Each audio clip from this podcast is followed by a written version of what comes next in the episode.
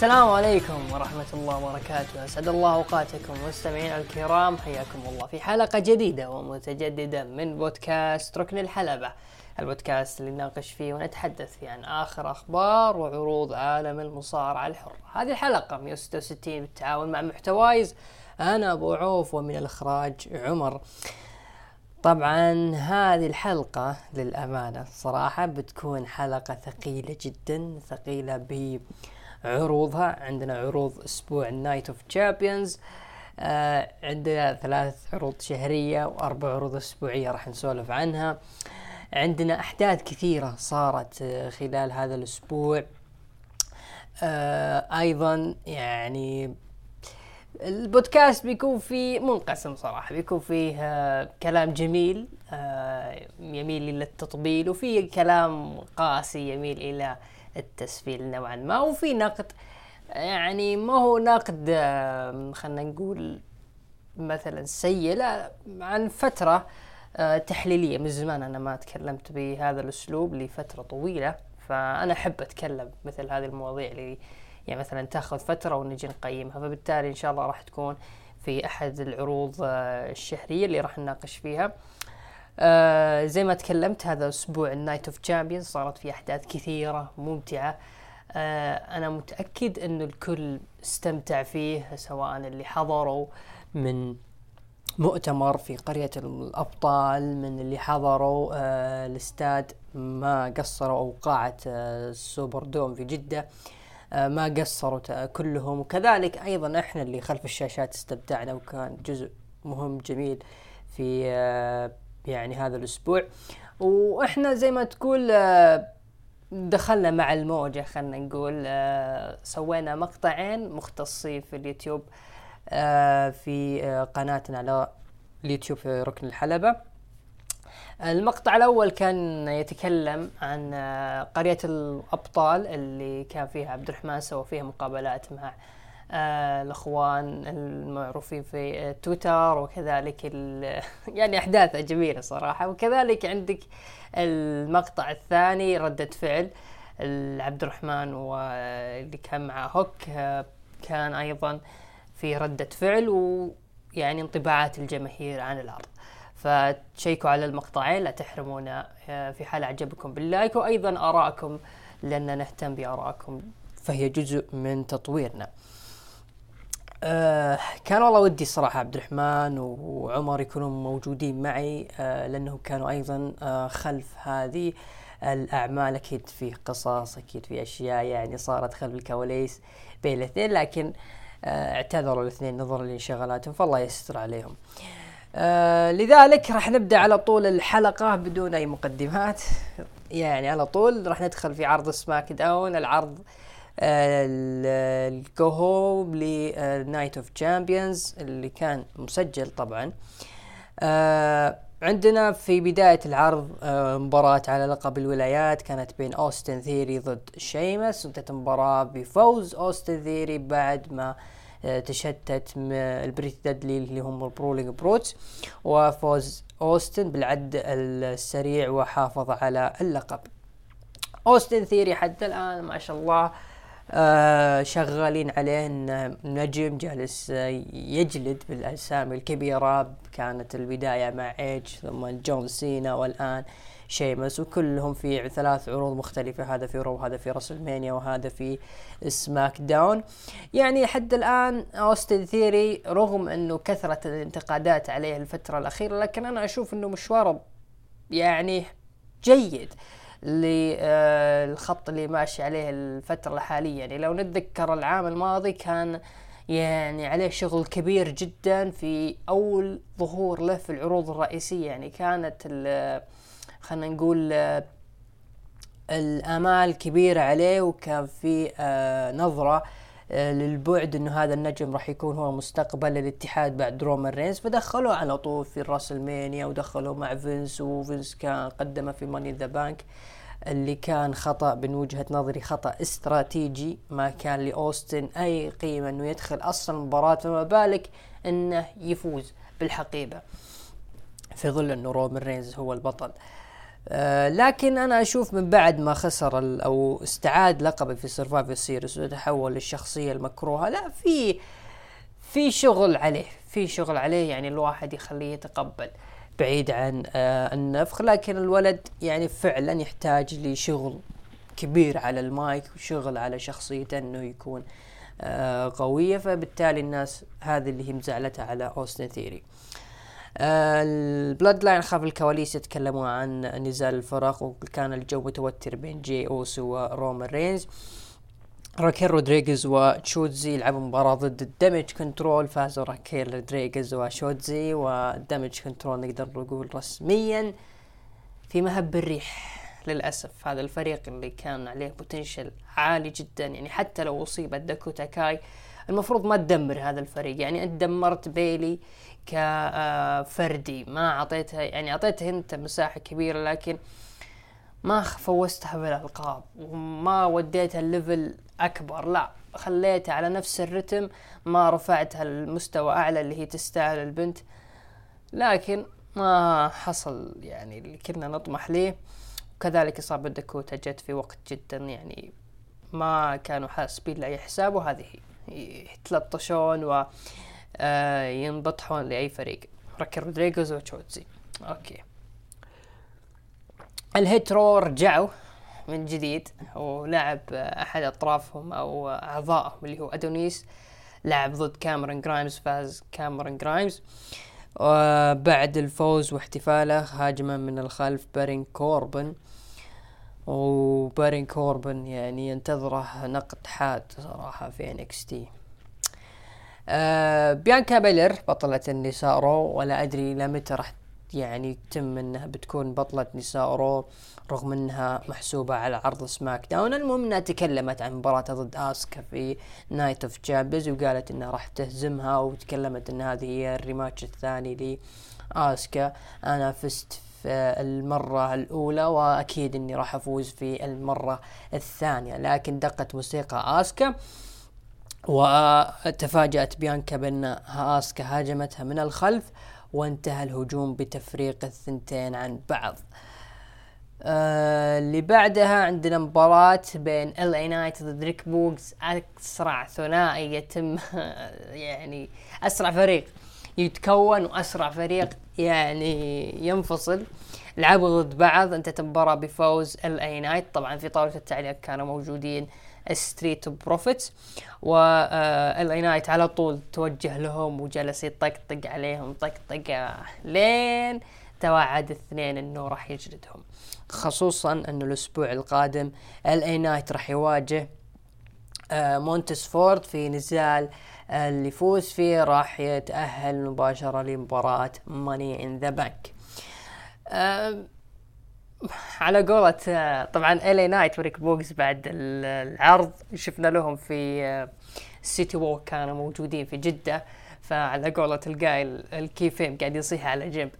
آه، لكن لو نجي ال ال اي نايت طبعا هو المرشح الأبرز في بيكون هو بطل ماني ذا بانك هذه السنة وغالبا أكيد هو يستاهل عنده كل المقومات إنه يكون هو ماني ذا بانك لكن ما أدري أحس إنه في طاعة اسمها دومينيك لكن إن شاء الله ما تصير. ال اي نايت أكيد جاهز في حال إنه صار بطل الحقيبة. مايك ممتاز أداء الحلبة جيد عنده كاريزما. الآن الجماهير كلها تطالب بدعم LA Knight الجمهور في SmackDown في تفاعل. شفناه في المؤتمر الصحفي حق Night of Champions الجماهير طالبت ب LA Knight وجالسة تشجعه وكان بريت Triple H شاق الابتسامة. فنقول إن شاء الله إذا LA Knight راح يفوز آه ممكن يكون هذا أول بطل حقيبة من فترة ممكن من بعد دين أمبروز يكون الجمهور يعني راضين فيه.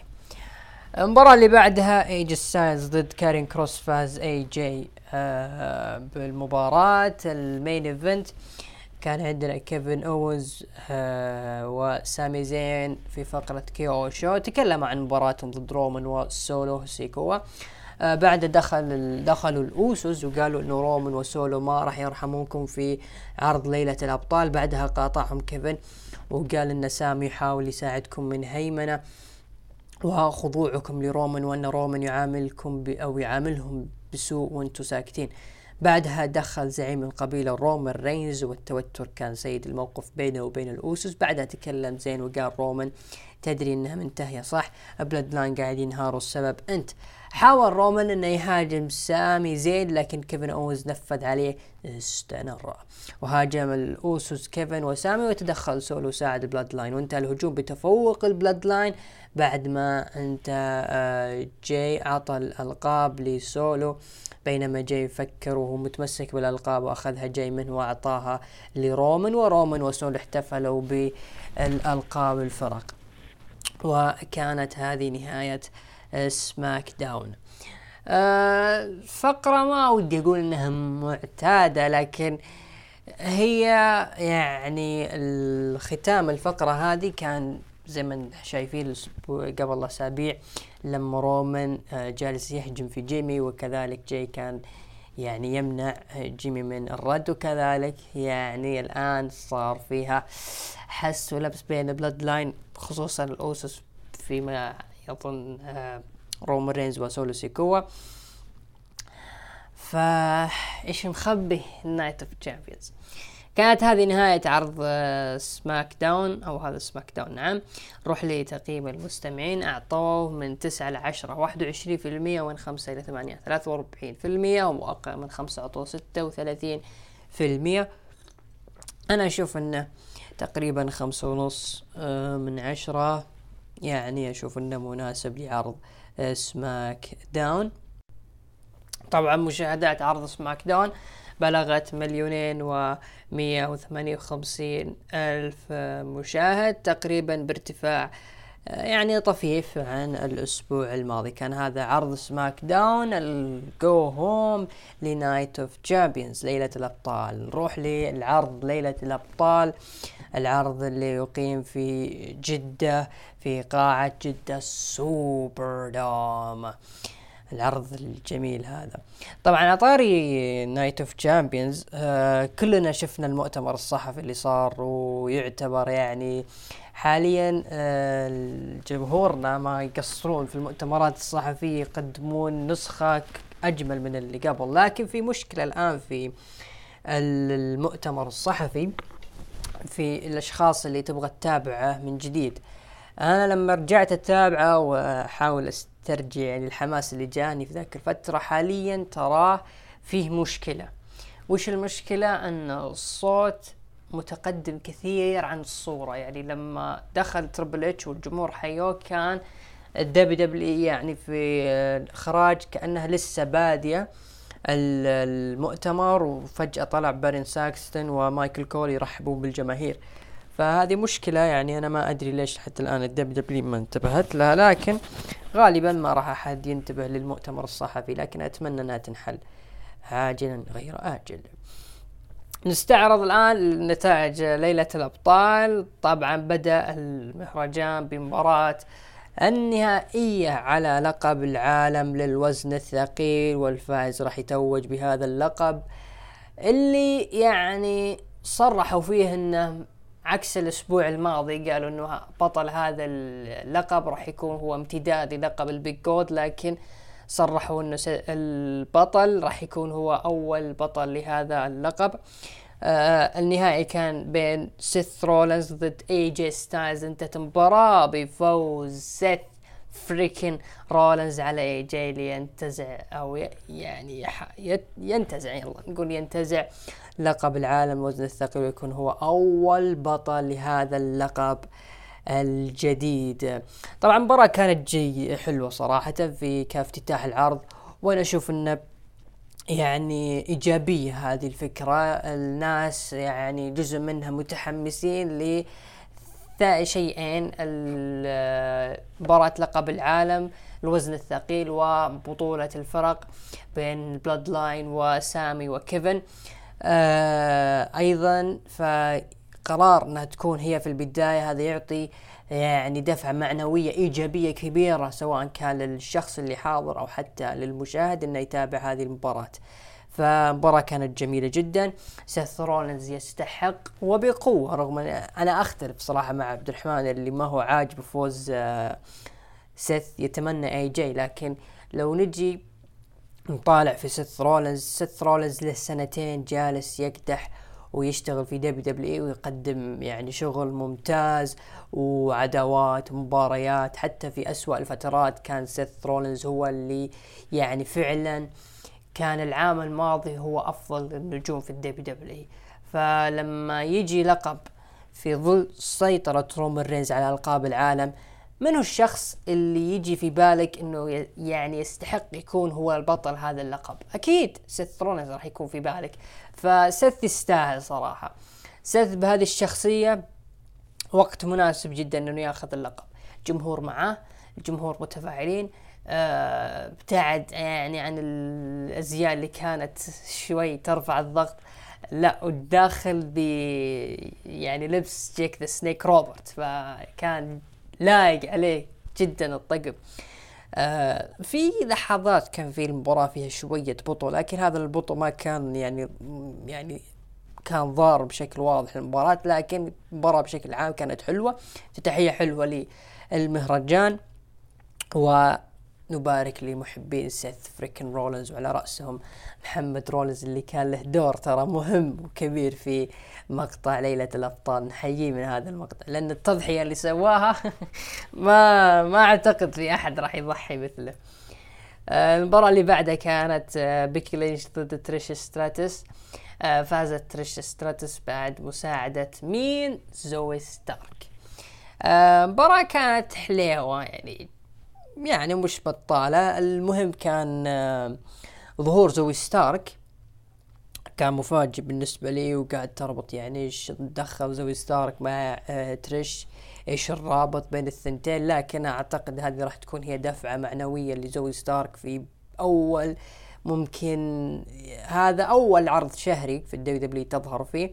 لا ومع مين؟ مع تريش ستراتس. اللي هي الأخرى أيضا تلعب لأول مرة في السعودية وهذا أول انتصار لها. فأعتقد هذا أول انتصار فردي لها. إن ما خانتني الذاكرة من فترة طويلة. فما هي ابدا سلبية المباراة. بالعكس يعني النتيجة تريش ستراتس تستحق هذا الفوز. آه واللي حدث في عرض الرو يدلك إنه العداوة مستمرة فإذا أنت تبغى تطول العداوة وتمددها لفترة يعني تخلي بيكي بعيدة عن شوي عن صورة الألقاب فأفضل حل إنك تخلي ترش تفوز وهذا اللي صار وأنا مقتنع صراحة بالنتيجة. المباراة الثالثة عندنا مباراة لقب القارات كانت بين قنثر البطل ضد مصطفى علي. طبعا مصطفى علي كان هو محور هذه العداوة هذه المباراة. انتهت المباراة بفوز قنثر وحفاظه على اللقب. المباراة كانت جيدة ولكن كانت سلبيتها إنها كانت قصيرة مرة يعني. أنا أشوف الوقت اللي قدامي ثمان دقايق ونص يعني. أكيد لو يعني كان مفر مفترض. يزودونها حبتين دقيقتين تكون عشر دقائق تكون يعني أطول شوي بصراحة لأنه تحس إنه الاثنين ظلموا بالذات إنها أول مباراة لجنثر في آه السعودية. وقانثر جاء استقبال كبير من الجماهير عندنا. ولا ننسى اللحظة اللي سوتها. في المؤتمر الصحفي لما سأله آه، مايكل كول قال أنت أطول بطل للقب القارات في العصر الحديث والجمهور قال you deserve وهو معروف إن هذه التشجيعه خاصه بالنجوم المحبوبين. فرد قانثر قال اللي أنا أستاهل وما هو من ما لكم شغل فيه. فالواحد هنا يدق له تحية لكانثر بصراحة على الرد هذا بغض النظر يعني بعيد عن الحساسيات هو رد قاسي لكن لما المصارع يحترم الكيفيب ويعني عشق للمجال وللرياضة يدلك إنه حاب الكيفيب ومق ويعني ملتزم فيه الشخصية في عروض المصارعة. يعني الشخص هذا أكيد راح تطلب له تحية وهو من الأسباب اللي تخلي الناس تحب وتتعلق في جانثر أو والتر. آه كذلك مصطفى علي كان له دور ما هو سهل في الأسابيع الماضية رغم إنه كنا شوي حساسين ليش مصطفى علي بالذات لكن يعني كقصة إنه مصارع مسلم موجود في العرض فالمباراه كانت كويسة لكن آه، سلبيتها إنها كانت قصيرة جدا. نجي للمباراة اللي بعدها مباراة اللي الناس حقيقة من شرح صدورهم بصراحة. مباراة على لقب نساء رو كانت بين آسكا ضد بيانكا بيلر. انتهت المباراة بفوز آسكا وانتزاعها اللقب من بيانكا بيلر لتكون هو البطلة الجديدة لنساء رو. أخيرا أخيرا يا ناس خسرت بيانكا. يعني النا يعني أبو داحم الحين بيقعد يقول لي بيانكا بنت سينا وانت حاب بيانكا. أوكي أنا حاب بيانكا لكن ترى آسكا تستحق الفوز وأنا سعدت كثير بفوز آسكا. للأمانة آه فوز آسكا آه يعني لو تجي تفكر فيها بنت صا... بنت يابانية تصارع في أرض يعني هي محسوبة على آسيا. فكأن المباراة تقام في محيطها عرفت كيف؟ ف يعني حلو انه الجمهور تفاعل لما فازت آسكا. وأيضا آسكا ردت بالفعل لما شكرت الجمهور وشكرت المملكة بأنها هي الأرض اللي فازت فيها اللقب وانتزعت من آه، بيانكا بيلر. فآسكا تستاهل. صحيح إنه الناس بتقول طيب ليش ما فوزوها في الرسلمانيا؟ راح تكون لحظة تاريخية. للأمانة هي راح تكون لحظة تاريخية لكن في مصارعين كثر خسروا مبارياتهم. في الرسلمانيا لكن العروض اللي بعد الرسلمانيا انتزعوا منها الألقاب. ولنا في ذا روك مثال يعني لما خسر آه لقب الدب دبي في الرسلمانيا ولكن انتزع اللقب في باكلاش العرض اللي بعد الرسلمانيا فما هي نقطة سلبية لأنه في النهاية الجمهور كله انفجر لما فازوا الاثنين باللقب. وهذا اللي صار. آسكا فازت وانتزعت اللقب من بيانكا. بيانكا قدمت اللي عليها وزيادة بعد قصة مثيرة مع بيكي لينش والآن جاء دور آسكا بشخصية مثيرة أيضا للاهتمام وجامع ما بين آه ال Kabuki Warriors على شخصية غريبة الأطوار وكذا دمجت الشخصية وهذا النتيجة فازت البنت. فنتمنى لها التوفيق في آه القادم وإن شاء الله أنها راح تقدم فترة آه حلوة.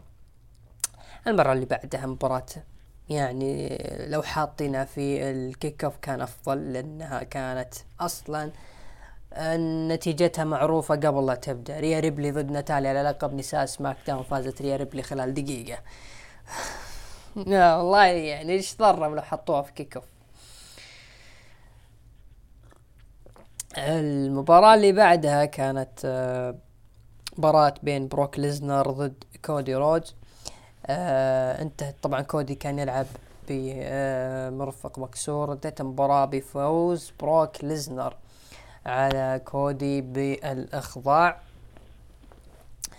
آه طبعا كثير من الناس آه يعني تعجبوا من سالفة النهاية لكن أنا أشوف إنه المباراة كانت حلوة صراحة آه بين كودي وبروك. عجبني أكثر آه يعني ابتعد بروك شوي عن ال Suplex City وركز بشكل واضح على آه ذراع كودي المكسورة.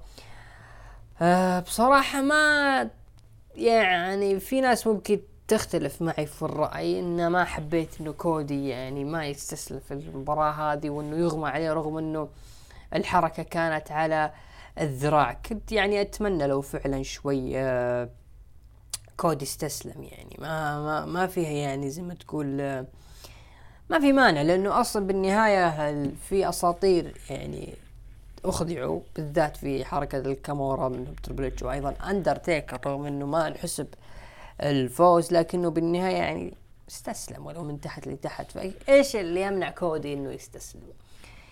آه لكن النهاية كانت فقط للحفاظ عن كودي.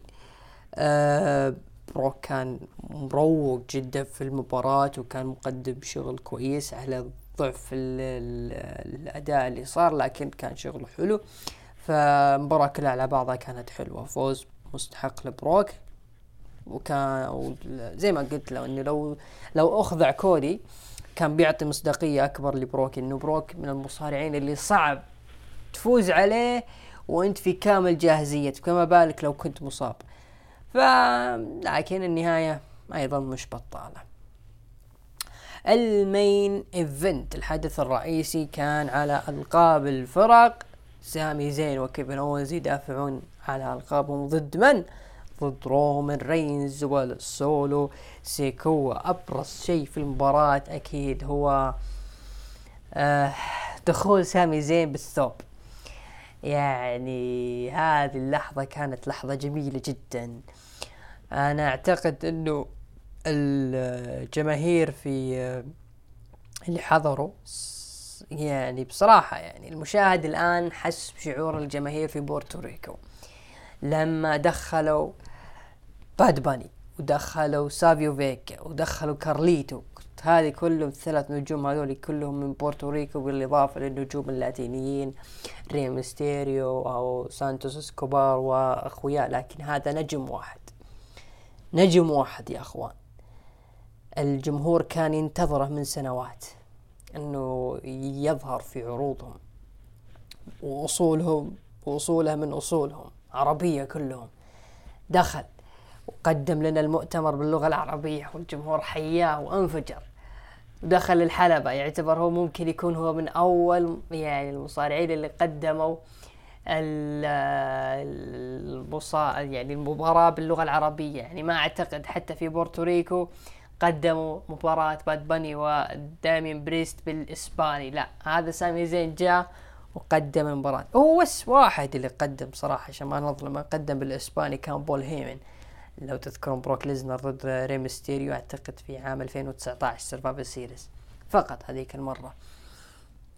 لكن هذه المرة يعني باللغة العربية كان شيء كبير جدا اللي سواه سامي. المباراة كانت آه، حلوة أيضا. شفنا التحول اللي صار بعد ما طاح الحكم واعطاه رومان spear ظهروا الأوسوس آه وكانوا يبغون يجلدون في سامي زين وكيفن اونز لكن الاثنين سووا superkick على سولو سيكوا وهذا أدى إلى انفجار رومان رينز وجالس يضرب الاثنين. لما صارت المفاجأة؟ جيمي أوسو يهجم على رومان رينز وسط تعجب من جي. جيمي يقول إحنا لمتى راح تندعس كرامتنا مع هذا الشخص المدعو رومان رينز هو صحيح ولد عمنا لكن تراني أخوك. أنا أخوك. كأنه جيمي يحرك مشاعر اللي صارت قبل ثلاث سنوات. لما رومان دعس جاي في قفص الجحيم. الاثنين طلعوا برا جالسين ينظروا في المباراة إيش راح يصير. شوي Helluva Kick من سامي. 1 2 3 انتهت المباراة. بفوز كيفن اونز وسامي زين وحفاظهم على ألقابهم. للأمانة كانت التحول الدرامي في هذه المباراة كان جدا جميل جدا رائع. أنا توقعته الأسبوع الماضي لما قلت إنه في هذه المباراة راح نشوف آه زي ما تقول آه إنه الأوسوس يبون يدخلون يساعدون آه رومان وسولو لكنهم فجأة يعني يخطئوه أنا ما كنت متوقع صراحة إنهم راح يجيبون يهجمون على سولو كنت متوقع إنه رومان راح يمنعهم إنهم يدخلون. اطلعوا برا خلكم بعيد. لكن فجأة هم الاثنين يهجمون سولو وروبن في مباراة واحدة الأمانة كانت صدمة وكانت يعني لحظة أنا متأكد إنه الجميع سواء كان محنك ولا كاجول ولا ما يدري ولا فاهم مصارعة ولا مهما كان يعني طبيعة تفكيره في المجال انفجر في هذه اللحظة. فلحظة كانت جدا جميلة جدا جدا جميلة فوز جميل أيضا من كيفن وسامي وأعتقد قفلوا ملف ال Bloodline أتمنى إنه للابد لأنه ال Bloodline راح يدخلون في chapter جديد. في قصتهم وهو chapter انفصال ال Bloodline أو تفكك الإصابة. فبصراحة عرض كله على بعضه كان جميل. صحيح إنه يعني في الفترات العرض صار فيه برود بالذات يعني في الساعة الثانية تقريبا بعد مباراة تريش آه، صار في برود شوي في العرض. لكن هذا ما يمنع إنه العرض كان جدا جميل العرض كان ممتع. شكرا لكل اللي حضروا شكرا للي حضروا حتى سواء في العرض وفي ليلة الأبطال. كلكم بيضتوا الوجه. الله يجزاكم خير ويعطيكم العافية جميعا. يعني كل الأشخاص اللي تابعوا العرض سواء كانوا في السعودية أو في الموطن العربي أو حتى الأجانب الأجانب وهم الأجانب استمتعوا في العرض سواء كانوا مصارعين أو حتى متفرجين. والجمهور السعودي زي ما قلنا يثبت أنه من أفضل جماهير المصارعة إن لم يكن الأفضل ممكن ينافس الجمهور البريطاني. الجمهور البريطاني تراكم على شفا حفرة من الجمهور السعودي. هذا ليس تطبيل وهذا ليس كلام خيالي بل إنه واقع مجرب. بالذات من بعد 21 والجمهور يطير بعروض ال WWE نروح لتقييم المستمعين لعرض Night of Champions اعطوا من 9 ل 10 50 في المية ومن 5 ل 8 43 في المية وأقل من 5 أعطوه 7 في المية. أنا اعطيه تقريبا 8 إلى 9 ونص من 10 كان هذا عرض ال Night of Champions وزي ما قلنا إنه ال WWE فعلا حاليا واضح إنه عروض السعودية خلاص. أعتقد ما في أي شخص الآن ممكن يقول عروضنا تسليكية الآن صار في كل شيء في عروض السعودية.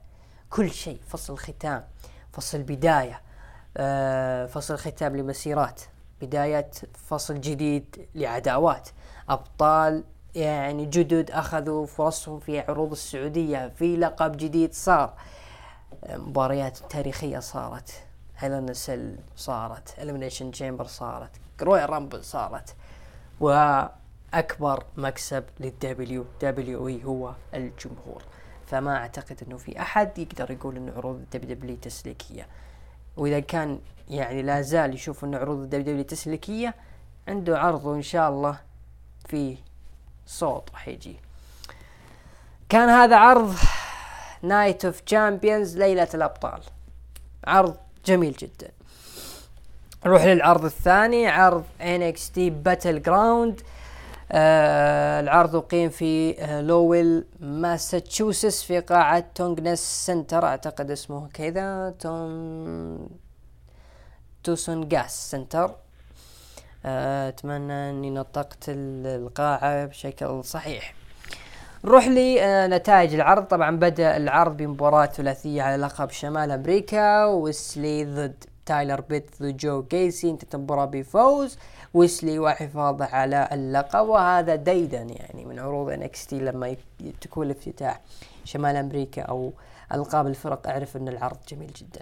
المباراة كانت حلوة صراحة 12 دقيقة آه الجميع كله قدم أداء حلو سواء كان ويسلي تايلر بيت جو جيسي جو جيسي بالذات كان هو آه، أداؤه كان جدا جميل وهذا النجم صراحة يعني يخليك تشك في نفسك بصراحة تجاه هذا النجم. يعني أنت تشوف في العروض الأسبوعية بارد ضايع آه طيح طيحت النظارة من الحماس. آه لكن فعلا النجم تحس إنه ضايع في العروض الرئيسية في عروض NXT وفي الكتابة هناك. آه دايجاك هو ال كلهم ضايعين. لكن لما تشوف شغلة مع برون بريكر وشغله في ديدلاين والآن شغله في شمال أمريكا. يعني تستغرب إنه هذا النجم لما تعطيه مباراة ممكن يقدم لك أداء حلو يقدم ما عنده مشكلة لكنه أغلب الوقت كان ضايع. فمباراة كانت حلوة استمرار وسلي كحفاظ على اللقب. ما هو سلبي للأمانة ممكن تقول سلبي إنه خلاص طوه اللقب لكن إذا النجم حاليا هو شغال على إحياء اللقب من جديد واستمراره كبطل. رغم وجود منافس آه اللي هو تايلر بيت رغم إنه هو مع بعض يعني يعتبرون لكن هم منافسين. فأعتبر الاثنين هم شغالين على شغلة واحدة اللي هي إرجاع قبل شمال أمريكا من جديد لعروض NXT وويسلي قادر إنه يقدم اللقب بشكل ممتاز. فما المانع إنه يحتفظ اللقب لمدة أطول لين ما يجي منافس جاهز ولحظة مناسبة يخليه ينتزع منها اللقب. بالتالي بالحالتين الجمهور ما راح يسفل في ويسلي لأنه النجم ما قصر أنا أشوف. مباراة حلوة آه وافتتاحية أجمل. المباراة اللي بعدها آه، مباراة على كأس ال heritage cup. طبعا مباراة قانونها كان British rounds rules إيش طريقة المباراة هذه؟ آه، هي مباراة عبارة عن آه ثلاث جولات تقريبا. آه لا هي المباراة المصارع يفوز ب آه هي خمس جولات. عفوا هذه عندي الشروط. خمس جولات مباراة فيها خمس دقائق الجولة الواحدة. المصارع يحتاج فقط لينتصر مرتين آه ويعتبر فائز في المباراة. طبعا المباراة كانت بين نوام دار ضد دراجن لي وانتهت المباراة بفوز نوام دار. وحفاظه على الكأس. أه حلو صراحة المباراة وأسلوبها اللي كان تقريبا قريب من أسلوب الملاكمة والإم إم اي آه احتفاظ نوم دار بالكأس هذه. أنا اشوفه قرار منطقي جدا لأن البطولة أو الكأس هذه تطبق لأول مرة في تي. الجمهور ما يعرف ولا يعني سبق صار تابع مباراة لها. آه أيضا بيعرفون ليش نوم دار صار هو البطل. فهذه المباراة والنتيجة هي اللي بينت ليش نوم دار هو البطل. ونوم دار للأمانة ترى مستوى تطور صراحة. يعني ما هو نوم دار اللي خبرة في توب فايف هاي في ال cute والجمهور يعني متفاعلين معه لأنه حبوب. لا ما شاء الله صار رجال وشعر جسم وكل شيء والآن هو بطل. فمباراة كانت أيضا جيدة. دراجن لي صحيح إنه هذه ثاني خسارة له في العروض آه، الشهرية أو خلينا نقول premium live في NXT. لكن أنا ما أشوف إنها سلبية لأنه النجم أيضا جالس يعني يبين نفسه بشكل حلو في NXT. فما هو خسران ابدا الخسائر اللي قاعد تصير. آه لأنه بالنهاية راح يكسب رأي الجمهور. وهو ممكن في أيضا في وجهة نظر NXT إنه لحد الآن في البرومو لسه ما هو يرتقي للمستوى اللي هم يبغونه لكن إذا هو بيقدم لي أداء حلو NXT أرض خصبة للمباريات فخلوه يبدع في هذه المباريات. وترى ثنائيته مع نيثن فريزر حلوة بصراحة ما هي سيئة. فالاثنين جالسين يعاونون بعض وهذه في مصلحة الاثنين لأن نيثن فريزر يعتبر future ل NXT وأيضا دراجن لي فمباراة أيضا جيدة. نروح للمباراة اللي بعدها مباراة الطحن والجلد والدماء وتفكيع الوجه. مباراة كانت بين إيليا دراغونوف ضد داي جاك يذكر أن هذه المباراة جعلت أحد حضور عرض AEW دايناما AEW Double or Nothing يشوف هذه المباراة. والسبب أن الاثنين فعلا طحنوا بعض. دخلوا في بعض خلوا بعض شاورما. مباراة كان last man standing انتهت المباراة بفوز إليا دراجونوف ضد داي جاك كانت مباراة حلوة قوية. آه الاثنين تقريبا نفس الأسلوب اللي هو أسلوب التحمل والقوة والثبات. فلما يكون اثنين عندهم نفس الأسلوب بالذات دراجونوف اللي يعني ما أدري قوة التحمل فيه لوين راح توصل. آه لكن فعلا قدموا شغل جميل جدا آه لدرجة إني شفتها مرتين مرة لحالي لايف والمرة الثانية كان معي الوالد وأيضا يتابع والوالد يعني قليل جدا يتابع للجيل الجديد لكنه تابع معي هذه المباراة وأيضا استمتع بالأداء الاثنين. واستغرب إنه إليا دراجونوف روسي يعني من زمان ما شاف مصارعين روس لا ويفوزون ويقدمون أداء لأنه لحق على كوزلوف ولحق على بعض النجوم الروسيين اللي كانوا ينذلون في ال WWE فكانت مباراة حلوة جميلة جدا. ممكن تكون هي من من ثاني أفضل مباريات العرض. ولا يعني ألوم المتابعين فيها لأنه صار في قلق شوي بعد المباراة. فمباراة حلوة يستاهل دراجونوف الانتصار. المباراة اللي بعدها مباراة آه، الفرق بين الجالوس ضد الكريد brothers آه فازوا فيها الجالوس وحافظوا على ألقابهم. أيضا مباراة حلوة. يعني لو تلاحظون نقول مباراة حلوة فعلا يعني عرض Battleground وقتها كان جدا ممتع كنت مستمتع جدا. فمباراة حلوة لكن شوي النهاية كانت ما هي عجبتني صراحة. دخلت بنت ضروك أفا. وخربت على الاثنين و... وانتهت المباراة بفنش واحد من الجالوس بطريقة يعني شوي يعني لك عليها بصراحة. يعني ما كانوا الأمانة محتاجين هذه النهاية. لو مثلا خسروا الكريد وشفنا هجوم من الدايت على الكريد بعد المباراة أنا أشوف كان بيكون أفضل. حفاظا على الكريد وأيضا يعني بدال ما تخلي مثلا بيقول والله الكريد راح يكون لهم فرصة أخرى يدخلون على طول من الدايت يكون الأساس منهم من العرض الشهري أو ال premium live ف لكن مباراة ككل أيضا مباراة جيدة كان في تناغم بالذات آه، بروتوس آه، اللي كان السمين كان مقدم شغل. جوليوس كان يعني راح يكون هو خليفة بروك ليزنر من ناحية ال suplex أعتقد سوى suplex ما أدري كم مرة لكن الجمهور كان متفاعل معه. فحلوة المباراة. والله حلوة صراحة حلوة. تسع دقائق ونص ممتعة كلها. المباراة اللي بعدها نهائي لقب نساء NXT كان بين لايرا فالكيريا ضد تيفاني ستراتن. مباراة استغرب استغرقت 16 دقيقة انتهت المباراة بانتصار لتيفاني ستراتن وكانت مباراة يعني صراع قوي بين الثنتين. ليش؟ لأن الثنتين كان لهم شغل كبير في NXT تيفاني ستراتن لها سنة شغالين عليها ولايرا فالكيريا من ال debut حقها ويبينون إنها بنت قوية. انتهت المباراة بفوز تيفاني وبتكون بذلك هي بطلة نساء NXT بعد المدعوة اندي هارتويل المباراة كانت حلوة. فوز تيفاني كانت لحظة جميلة. ماني متابع كثير مباريات النساء لكن للأمانة جذبت مع هذه المباراة وحبيت النهاية ال moonsault حق تيفاني كان مش طبيعي. فمباراة حلوة والله مباراة أيضا حلوة. ف آه جميل الفوز بصراحة جميل الفوز وفوز تيفاني منطقي أنا أشوف. ال main event المنتظر آه كارميلو هيز البطل في داره وفي بيته. آه في ماساتشوستس يواجه الوحش البرون بريكر اللي ناويه نية بعد ستاند اند ديليفر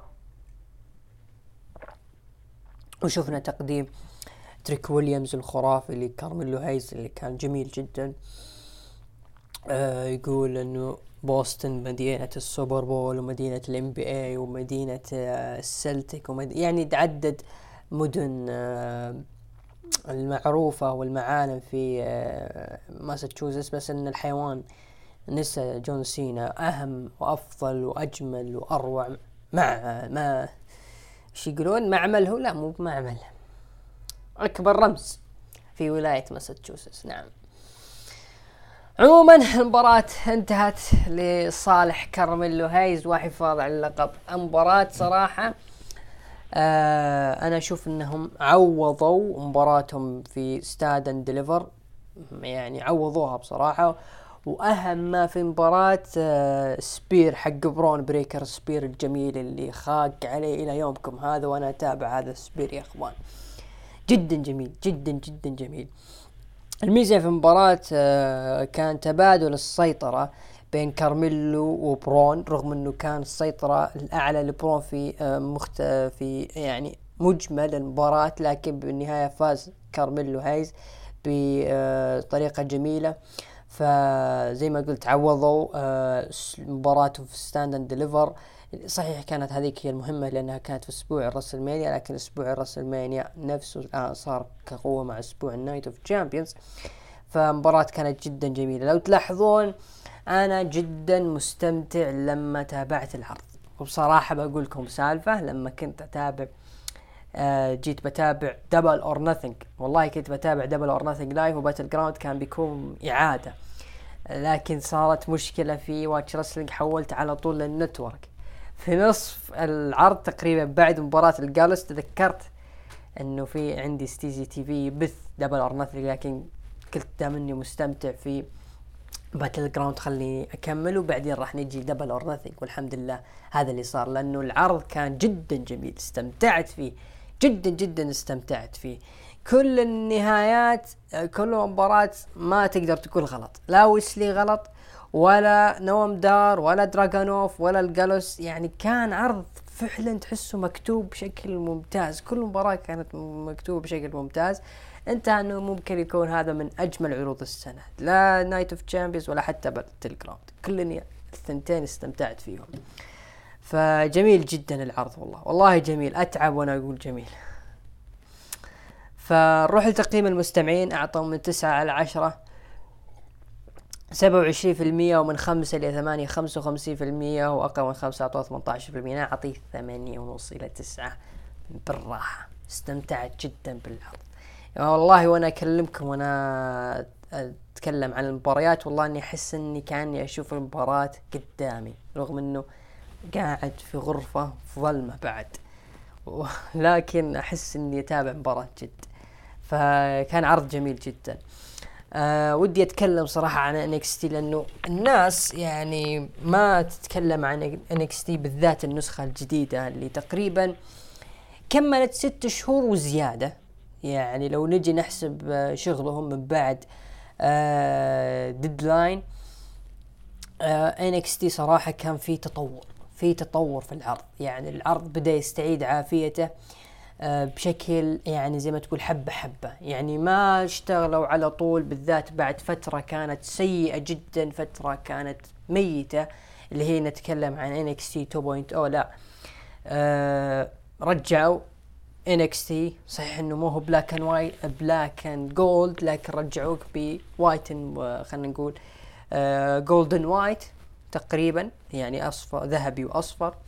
وكان الشغل على المصارعين حبة حبة يعني حافظوا على برون بريكر بدأوا يبنون في البطل حق برو برون بريكر اللي هو كارميلو هايز حبة حبة. وأيضا استقطبوا نجوم مثل دراجون لي أيضا في نجوم بدت عليهم علامات النضوج. أمثال آه زي ما تقول آه جريسون وولر. بدأ النجم ينضج وقدم شغل طيب مع برون بريكر رغم إنه النهايات في المباراتين كان ما هو حلوة. آه، سالفة إن الحبل طاح وسالفة إنه خسر بشكل سريع. لكنه النجم كان ناضج من ناحية المايك. عندك جيدي ماكدونة رغم خسائره المتكررة وتمنيت صراحة لو أخذ لقب شمال أمريكا أمام موسلي فلو تلاحظ أيضا فئة الفرق ها بدأت تشتغل عليها بعد ظهور الجالوس فلو تلاحظون النجوم هذول بالذات الاثنين لما تصعدوا في ناس تقول إنه ممكن NXT يتضرر لكن لما تلاحظ وتشوف إنه العرض أول عرض premium live بعد ال draft المز... المز... المز... المزعوم من ال WWE ويقدموا لك العرض هذا وتستمتع في كل مباراة. ولو تلاحظ في مباراة يعني نهائي tournament وعندك مباراة يعني last man standing بين اثنين عندهم نفس الشخصية. وعندك اثنين يعني تغيرت أسلوب آه، شخصيتهم مثل كارميلو هايز وبرون بريكر.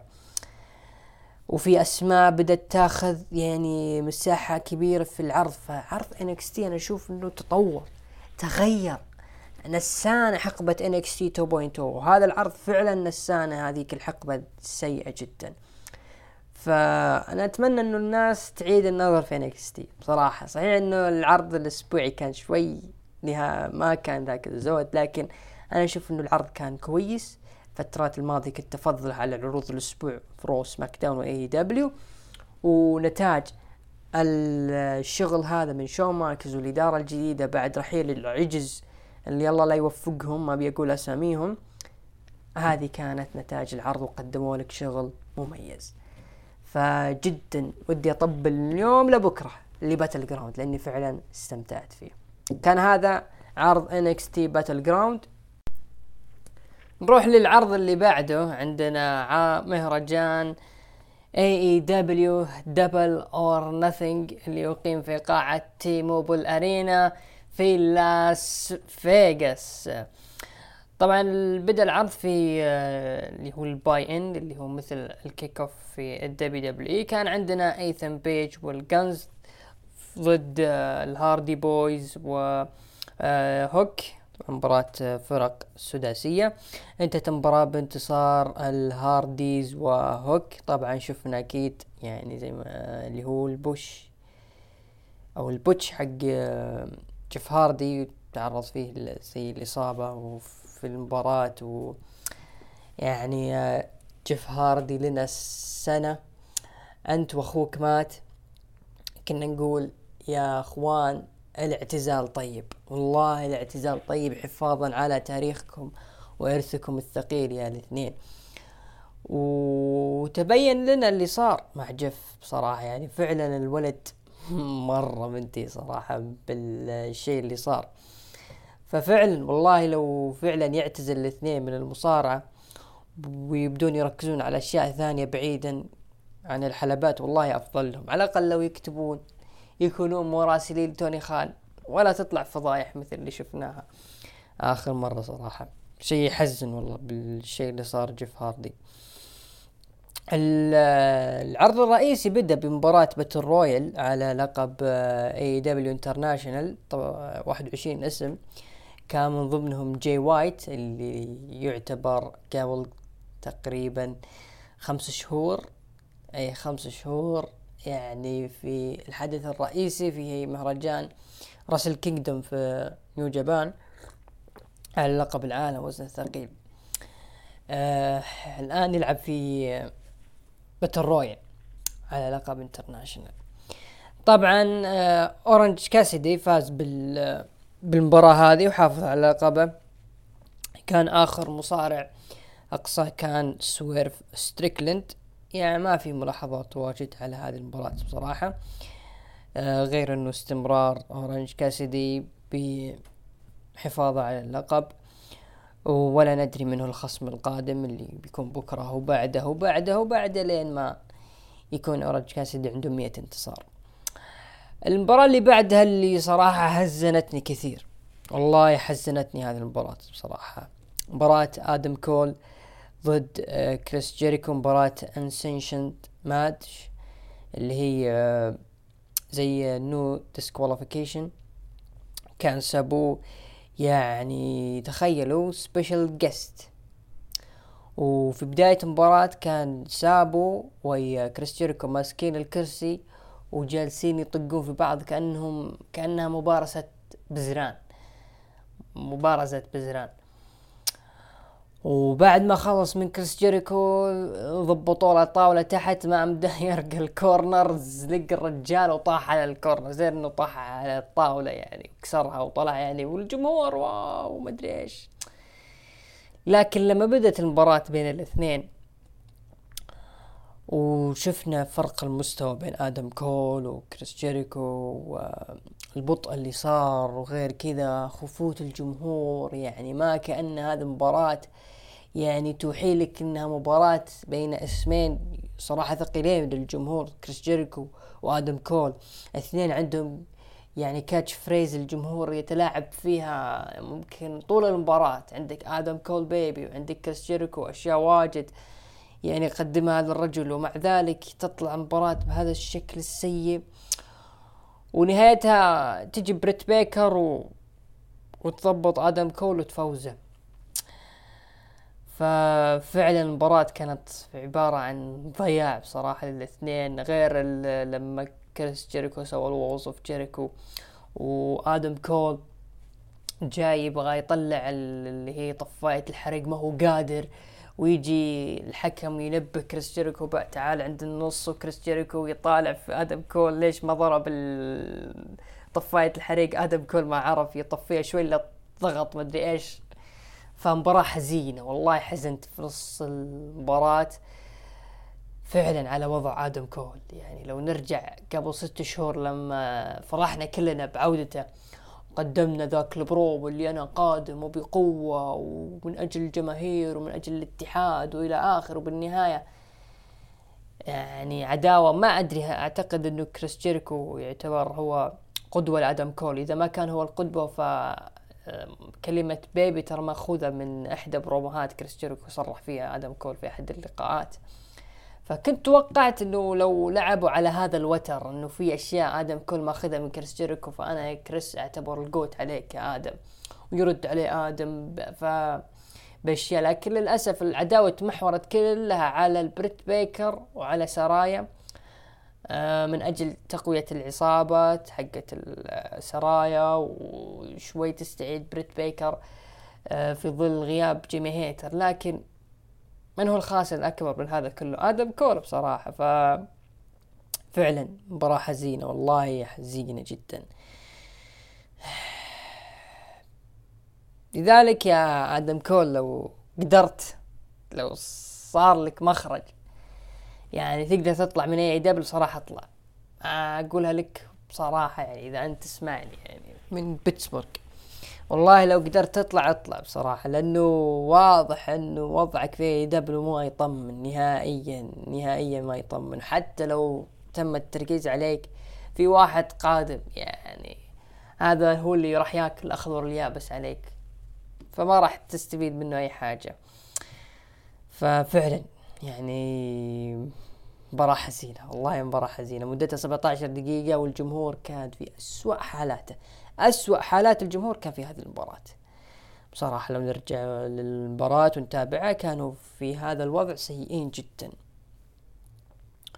واستكمل الوضع الجمهور السيء مع المباراة اللي بعدها.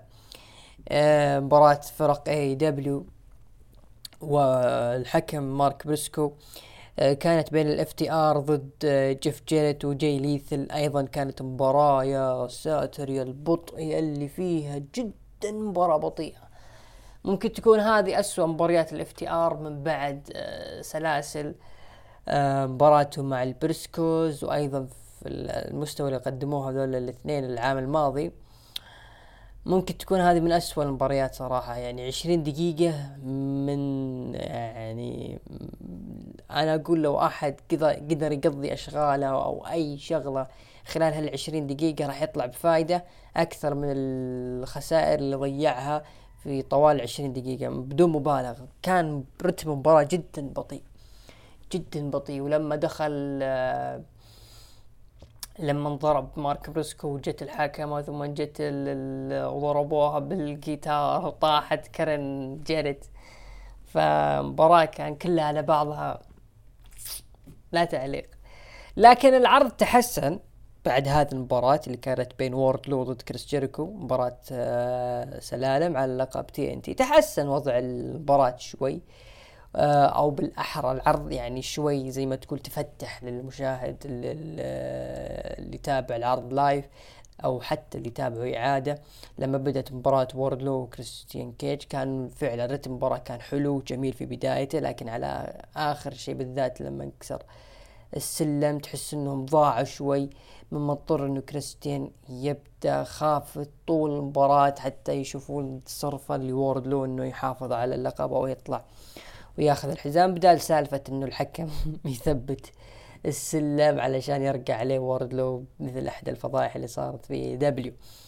ففعلا لو نرجع نتابع مباراة كان رتمها كويس جيد وساعد إنه يتحسن عرض شيئا فشيئا. المباراة اللي بعدها كانت مباراة على لقب نسائي AEW كانت بين توني ستورم ضد جيمي هيتر فازت فيها توني ستورم. توني ستورم انتزعت اللقب من جيمي هيتر اللي على كلام اللي قريته إنها تعرضت لإصابة. حتى ما طولت المباراة ثلاث دقائق فواضح إنه فعلا البنت عندها إصابة وتوني ستورم انتزعت اللقب. آه ما عندي أي تعليق صراحة على هذه المباراة. المباراة اللي بعدها كانت مباراة آه house rules آه على لقب الفرق الثلاثية. كان ال House of Black مسوين تحدي مفتوح لأي خصم. وطلع الخصم The Acclaimed كالعادة Acclaimed قدموا لنا في بداية البروبو جابوا فيه طاري المدعو دومينيك. لما طقطق على بادي ماثيوز استلماه استلمناه هذا الولد في إحدى السبيسات مع عمر. مسيكين والله والله مسكين حظه شيء. آه مباراة كانت حلوة أيضا جيدة. آه كان في بداية الرتم كان كويس وبدأ شوي ينخفض لكن بارتفاع على آخر المباراة انتهت المباراة بفوز ال House of Black وحفاظهم على اللقب. غالبا إنه الثنائية هذه راح تستمر آه لأن هي اللي راح تنعش اللقب. ال House of Black يحتاجون ال Acclaimed وال Acclaimed ما يحتاج الجماهير متحمسين لكن ال House of Black يحتاجونهم في من ناحية إنه الجمهور يتفاعلون معهم. أيضا لما يكون في video package آه بالذات لو صار في مقابلة مع توني شيفاني ما تصير للأسف مع ال House Black. وتمنيتها يسوون مع مقابلة أو يسوون لهم برومو تكون القاعه مظلمة ويدخل الكليم ويقدمون هالبرومو الشغل حقهم المعتاد ويطلعون. أنا أشوف إنه هذا الشيء راح ينفع ينفع ال House of Black كثير وما يخلي فترتهم مملة مع إني أشوفهم يقدمون شغل جيد صراحة. المباراة اللي بعدها على لقب TBS بين البطلة جيد كارجيل ضد تايا فالكيري انتهت المباراة بفوز جيد كارجل وحفاظها على اللقب وبالتالي يصل انتصارها لستين انتصار متتالي. بعدها مارك ستيرلينج يعني تكلم إنه جيد كارجل قادرة تفوز على أي بطلة. وأي يعني مهما كانت الأحوال وفي أي عرض في أي وقت. لين ما دقت موسيقى العائدة كريس ستاتلاندر وكأنه هي قبلت التحدي والمفاجأة الكبرى كريس ستاتلاندر تفوز على جيد كارجل وتنتزع منها لقب TBS خلال 48 ثانية. أطول من مباراة كاميرون جرايمز ضد بارون كوربن. آه وانتزعت اللقب وبذلك تكسر آه سلسلة جيد كارجل. والله ما أدري لكن في المباراة حسيت إنه تايا فالكيري كانت هي اللي يعني أقرب إنها تفوز بصراحة لأن يعني جاية من ام ال دبليو ام ال دبليو هناك يعاملونها كبطلة. فمش ممكن المانع اللي مخر يعني ما خليت تايا فالكيري هي اللي تفوز يعني علشان فقط تخلي جيد كارجل تفوز بالستين انتصار كان يعني تقدر تخلي مثلا في انتصار ستين وتدخل على العرض عنده ستين انتصار أو خسارة فبيكون شيء أفضل يعني ستين واحد لتايا فالكري كريس, كريس ستاتلاندر ما هي شينة لكن حس تايا كانت بتكون أفضل. آه نجي بعدها للمباراة اللي آه اللي بعدها مباراة الرباعية على لقب AEW بين داربي آلن ضد جنجل بوي ضد سامي جيفارا ضد البطل MJF تعتبر هذه من أهم المباريات في العرض وكان بوستر المهرجان عليها. آه انتهت المباراة بانتصار ل MJF وحفاظها على اللقب خلال 28 دقيقة إلا 10 ثواني. آه يعني المباراة ما هي كانت يعني تقدر تقول أعطت كل الأطراف حقها ما في أحد انظلم. MJF كان يعني الأشهر الماضية أثناء بناء هذه المباراة كان هو اللي مسيطر تماما في البروموهات لكن الثلاثي تعوضوا في المباراة هذه. أحلى اللقطات اللي صارت في المباراة لما كل واحد سوى finish لشخص يعني خلينا نقول أستاذة أو ملهمة. شفنا داربي سوى ال death drop سامي جيفارا سوى الكود وجنجل بوي سوى ال finish حق كريستيان code breaker حق سامي جيفارا. فمباراة كانت جيدة أيضا. آه أنا ك... أنا لما تابعت المباراة شفت قلت إنه المباراة اللي مسويها سكران. آه ليش؟ لأنه لو نرجع لأحد السبوتات اللي في المباراة لما كل واحد ضرب الثاني وجنجل بوي كان واقف بطريقة غريبة. يعني كأنه مخلص الكاس أبو الشباب. أه حفاظ MJF على اللقب أكيد شيء واضح. MJF هو الافضل الوقت الحالي للحفاظ على اللقب لحتى All In وبنشوف إيش راح يكون وضعه في All In من هو الخصم القادم اللي راح يكون في هذاك المهرجان. غير Forbidden Door هل بيدافع عن اللقب أو راح يواجه بطل ال New Japan اللي هو أوكادا؟ فاحتمالات كثيرة لكن لو نجي نحلل كل واحد. ممكن دام إنه AEW عندها تقريبا غير لقب العالم آه عندها ال TNT وعندها ال International أعتقد هذه فقط هي ألقابهم. فممكن يوزعون آه الاثنين على اللقبين مثلا سامي جيفارا وداربي آلن وجنجل بوي يوزعونهم على الألقاب لفترة. ثم يرجع أحدهم على آه لقب العالم.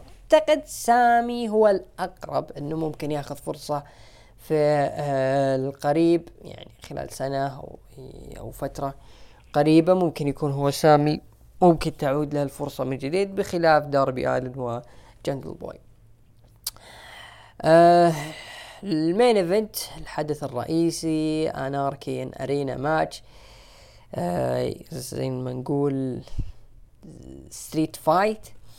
تقريبا كانت بين ال Blackpool Combat Club ضد ال Elite انتهت المباراة بانتصار لل Combat Club براين دانيلسون موكسلي وكلاوديو كاستنولي وويلر يوتا فازوا على كيني اوميجا ومات جاكسون ونيك جاكسون وهانجمان آدم بيج. آه إذا كان في مباراة أو عبارة تختصر هذه المباراة فهي العشوائية. الجميع يتفق أن المباراة كانت عشوائية بطريقة مبالغ فيها جدا جدا جدا مع احترامي للأشخاص اللي حابين ومتشققين على المباراة. عشوائية المباراة. أنا أذكر صارت مباراة مثل هذا النوع.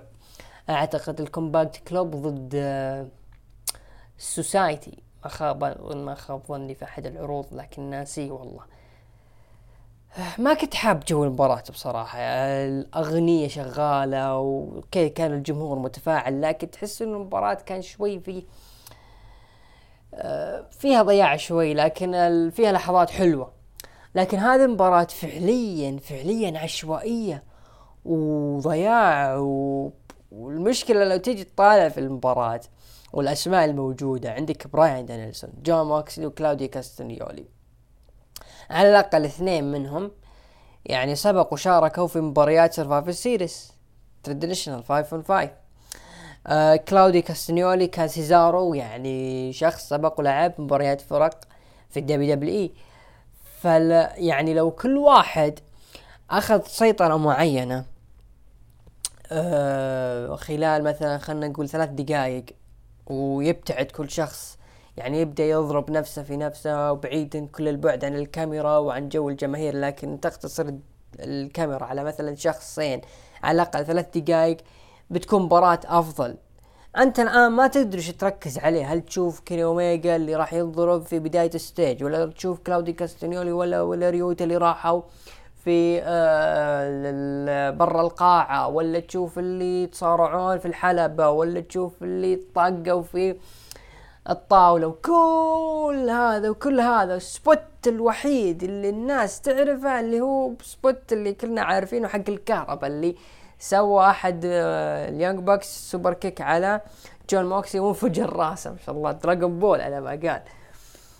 آه، ف فعلا العشوائية ضرت في المباراة غير الفرقة اللي جالسة تعزف قدام. هذه برضو أضافت سوء فوق ما هو سيء فمباراة للأسف سيئة جدا بغض النظر على الأسماء الموجودة لكن العشوائية قتلتها.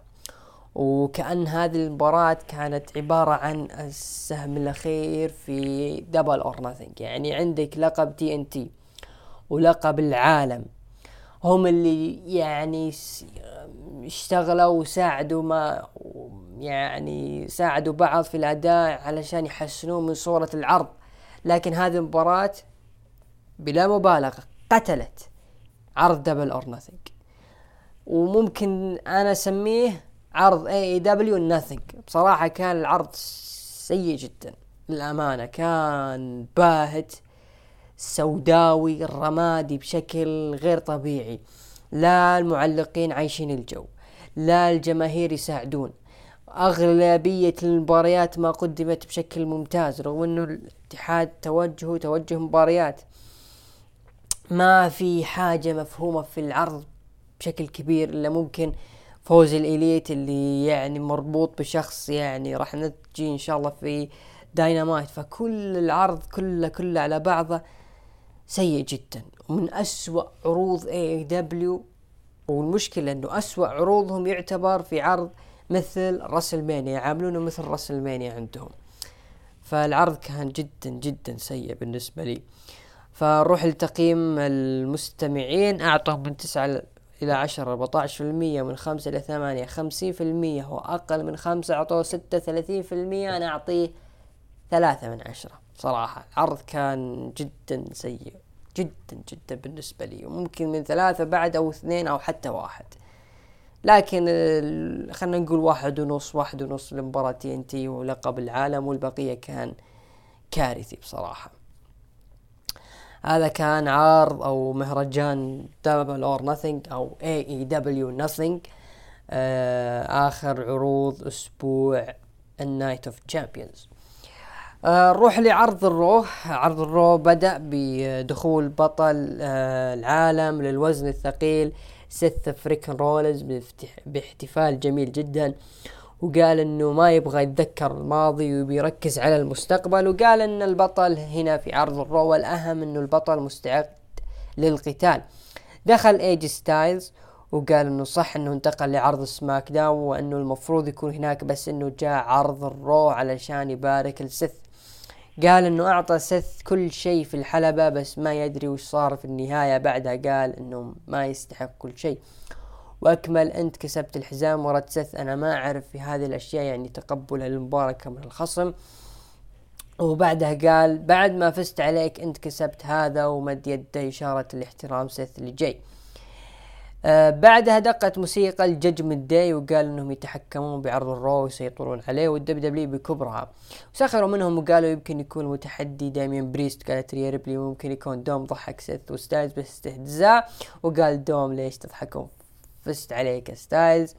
وقال دوم إنهم بينهون كل شيء اليوم. بعد سيث تحدى اثنين هم ويكونون ضد اي جي ستايلز وأنا. آه احتفالية شيء ثاني بصراحة الاحتفال وغناء الجماهير مع سيث يعني كان هو أجمل شيء في البرومو بصراحة. أه ظهور اي جي هو اللي شوي يخليك تفكر هل راح يستمر يعني ظهور المصارعين اللي محسوبين على العرض بيظهرون في العرض الآخر ولا فقط اي جي راح يكون خلال هذه الفترة لحين ما يظهر خصم. يكون يعني من عرض الرو ويكون محسوب آه العرض الرو يكون هو خصم قادم للسيث احس إنه ما أدري ينتظرون درو ماكنتاير يرجع ولا درو ما ما وده يعني يرجع الفترة الحالية وده ياخذ فترة راحة ويناقش مع المسؤولين في الكتاب في الدبليو دبليو حتى يطلعوا له سيناريو آه، يحبه ويتقبله عشان يرجع عشانه.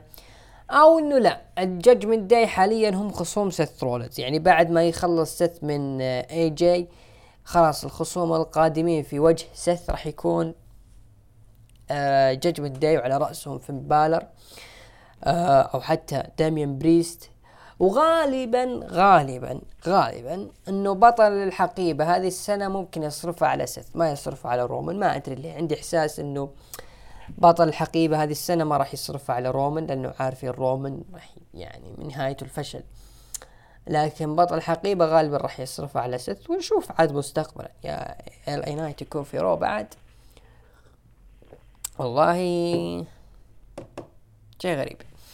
المباراة اللي بعدها مباراة تصفيات على الفو الفائز يتأهل لمباراة الحقيبة. ريكوشي ضد ذا ميز انتهت المباراة بفوز ريكوشي آه تريش ستراتس دخلت وتكلمت عن فوزها على بيكي لينش وقالت المفروض ما تكونوا متفاجئين لأني أنا الأول في الشركة وبعدها رحبت بزوي ستارك وتكلموا عن فوزهم في ليلة الأبطال. بعدها آه بيكي قالت انها تجلد زوي ستارك ووجهت كلامها لتريش وقالت ليش ما نعيد المباراة الآن؟ بعدها هاجمت بيكي تريش وزوي ستارك وانتهى القتال بتفوق زوي ستارك وتريش ستراتس يعني زي ما قلنا في آه ليلة الأبطال أنه الفوز تريش ما هو دليل أنه العداوة راح تستكمل وراح تاخذ وقت إضافي حتى يعني تبتعد بيكي لينش عن صورة الألقاب. وأيضا زوي ستارك آه تاخذ مساحة آه في العداوة وفي عرض الرو تحديدا.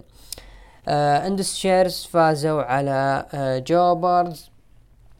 أبطال الفرق سامي زين وكيفن اونز دخلوا وتكلموا عن فوزهم بالألقاب وقالوا إنهم نجحوا بتفكيك عصابه البلود لاين بعدها دخلوا الإمبيريوم وقالوا إن فوز جانثر كان هو الأهم في عرض ليلة الأبطال. بعدها فصل كيفن اونز وقال ليش دخلتوا؟ وإحنا هنا ما جبنا طاريكم. قال زي سامي زين ما عندكم مباراة مع ألفا أكاديمي. بعدها دخلوا عصابة ألفا أكاديمي وقال جيبل أنهم مستعدين لمباراتهم ضد الإمبيريوم. وفازوا الإمبيريوم ضد ألفا أكاديمي آه، طبعا واضح أنه هذه راح تكون هي البداية لموضوع آه، فرق آه، اللي هم سامي زين وكيفن اونز بعيدا عن البلود لاين هم خلاص قفلوا موضوع البلود لاين رسميا ولا البلود لاين راح يكونون جابترون بين بينهم فيما بعض الآن الخصوم القادمين هم الإمبيريوم. آه الإمبيريوم خلال الأسابيع الماضية تقريبا مبتعدين شبه مبتعدين عن صورة آه العروض أو الواجهة خلينا نقول في عرض الرو كل الشغل هو جنثر وطبيعي جدا. يعتبر واحد من آه، أهم الأبطال حاليا في الدبليو دبليو رغم انه يعني يحمل لقب mid card. آه أيضا عنده الإمبيريوم الإمبيريوم راح يكونون هم خصوم آه مصنفين أوائل على لقب الفرق. فالعصابة هذه جالسة تلعب على الوترين. جانثر راح يبرز نفسه كمصارع main eventer رغم إنه يحمل لقب القارات. وأيضا فينشي وكايزر راح يكون لهم مساحة في ألقاب الفرق. فواضح جدا إنه عصابة الإمبيريوم راح يكون لهم شأن مهم في عرض الرو. آه بعدها عندنا مباراة على ألقاب الفرق النسائية راكيل رودريغيز وشوتزي ضد سونيا ديفل وتشيلسي جرين ضد روندا روزي وشينا بيزلر. ضد الدامج كنترول فازوا روندا روزي وشينا بيزلر وانتزعوا ألقاب الفرق النسائية. آه، دولف زيجلر ضد جي دي ماكدونا. انتهت المباراة بالتعادل بالعد الخارجي وهاجم دي جي دي ماكدونا. دولف زيجلر بكل وحشية. آه، جي دي آه، جالس يقدم شغل مرة ممتاز مرة مرة ممتاز. لعلمكم لازلت خاق على ال video package اللي صار في أول عرض رو لجي دي ماكدونا. اللي كان ماخذ زاوية أسود وأبيض يعني يحسسك كأنه فيلم سكارفيس فجي دي ماكدونا مرة ممتاز في عرض الرو دخل The American Nightmare كودي رودز وتكلم عن خسارته ضد بروك ليسنر وقال إنه ما راح يستسلم لأنه مو هو بالرجل اللي آه يستسلم. وتحدى بروك ليسنر في نزال ثالث وقال إنه بروك خايف من كودي رودز. آه مباراة آه الفائز يتأهل لمباراة الحقيبة. كانت بين شينسكي ناكامورا ضد برونسون ريد انتهت المباراة بفوز شينسكي ناكامورا ويكون هو أيضا متواجد في مباراة الحقيبة. أعتقد هو ثاني اسم حتى الآن. أول اسم كان ريكوشي الثاني ناكامورا. المباراة اللي بعدها ال main event عندنا اي جي ستايلز وسيث رولينز ضد ال Judgment Day وانتهت المباراة بفوز اي جي ستايلز وسيث رولينز. وشفنا ال segment أو المشهد الجميل اللي كان بين سيث وريا ريبلي ماخوذ من شون مايكلز وناتاليا. فعرض يعني جيد كله على بعضه. مش بطال الصراحة كانت هذه نهاية عرض الرو نروح لتقييم المستمعين. أعطوه من تسعة إلى عشرة سبعة وعشرين في المية ومن خمسة إلى ثمانية آه، ستين في المية. هو أقل من خمسة أعطوه ثلاثة عشر في المية أنا بالنسبة لي أعطيه آه خمسة من عشرة. طبعا آه مشاهدات عرض الرو هذا الأسبوع بلغت خلنا نشوف آه بلغت بلغت بلغت مليون وستمية ألف مشاهد. هذا كان عرض الرو هالأسبوع نروح لعرض NXT fallout مهرجان Battleground بدأ العرض بمباراة steel cage بين جي جي دولن وجيسي جين انتهت المباراة بفوز جي جي دولن واعتقد هذه نهاية العداوة بين الثنتين. للأمانة كنت أتمنى إنه آه، جيسي جين هي اللي تفوز لأنها هي اللي كانت ماسكة العداوة بصراحة أكثر من جي جي, جون آه، جي, جي دولن آه بعدها شفنا video package لتوني دي انجلو والصور هذه اللي كأنه زي في المباحث اللي يكون ماسك صورة. فكانت لحظة حلوة من توني دي انجلو آه بعدها شفنا كارميلو هايز بطل T يدخل وقدمه آه تريك ويليامز وكان في هتافات من آه الجماهير ل آه تريك آه عفوا لكارميلو هايز. طبعا تريك ويليامز جالس يطبل في كارميلو تطبيل. آه تكلم إنه أنت كنت في ماساتشوستس ودخلت المباراة ضد برون بريكر وخرجت منها ولا زلت بطل. وتكلم عن اللقطات اللي صارت في المباراة لين ما دخل نوم دار. آه وتكلم إنه انت دافعت يا كارميلو هايز عن لقبك بشكل ناجح وأنا كذلك دافعت عن كأس ال Heritage بشكل ناجح. ف إحنا كلنا أبطال لكن أنت معك حزام NXT فأنا أتحداك على اللقب. أه طبعا وافق أه كارميلو هيز إنه راح يواجه نوم دار في أه نهاية العرض رغم إنه تريك ويليامز كان يحاول إنه أنت لسه يعني راجع من Battleground مباراة جدا قوية مع برون بريكر لكن آه آه كارميل هايز أصر على المباراة. آه بعدها شفنا مباراة بين Dyad ضد تايلر بيت وويسلي انتهت المباراة بفوز ويسلي وتايلر بيت. المباراة كانت جدا آه سهلة لتايلر بيت وويسلي طبعا أثناء المباراة آه تفاجأنا بدخول لمصطفى علي آه وبعد المباراة شفنا هجوم من جو جيسي على تايلر بيت و اللي هو آه ويسلي لكن مصطفى علي دخل وفزع للاثنين وانتهت ال segment برفع مصطفى علي لكل من تايلر بيت وويسلي طبعا ظهور مفاجئ صراحة لمصطفى علي.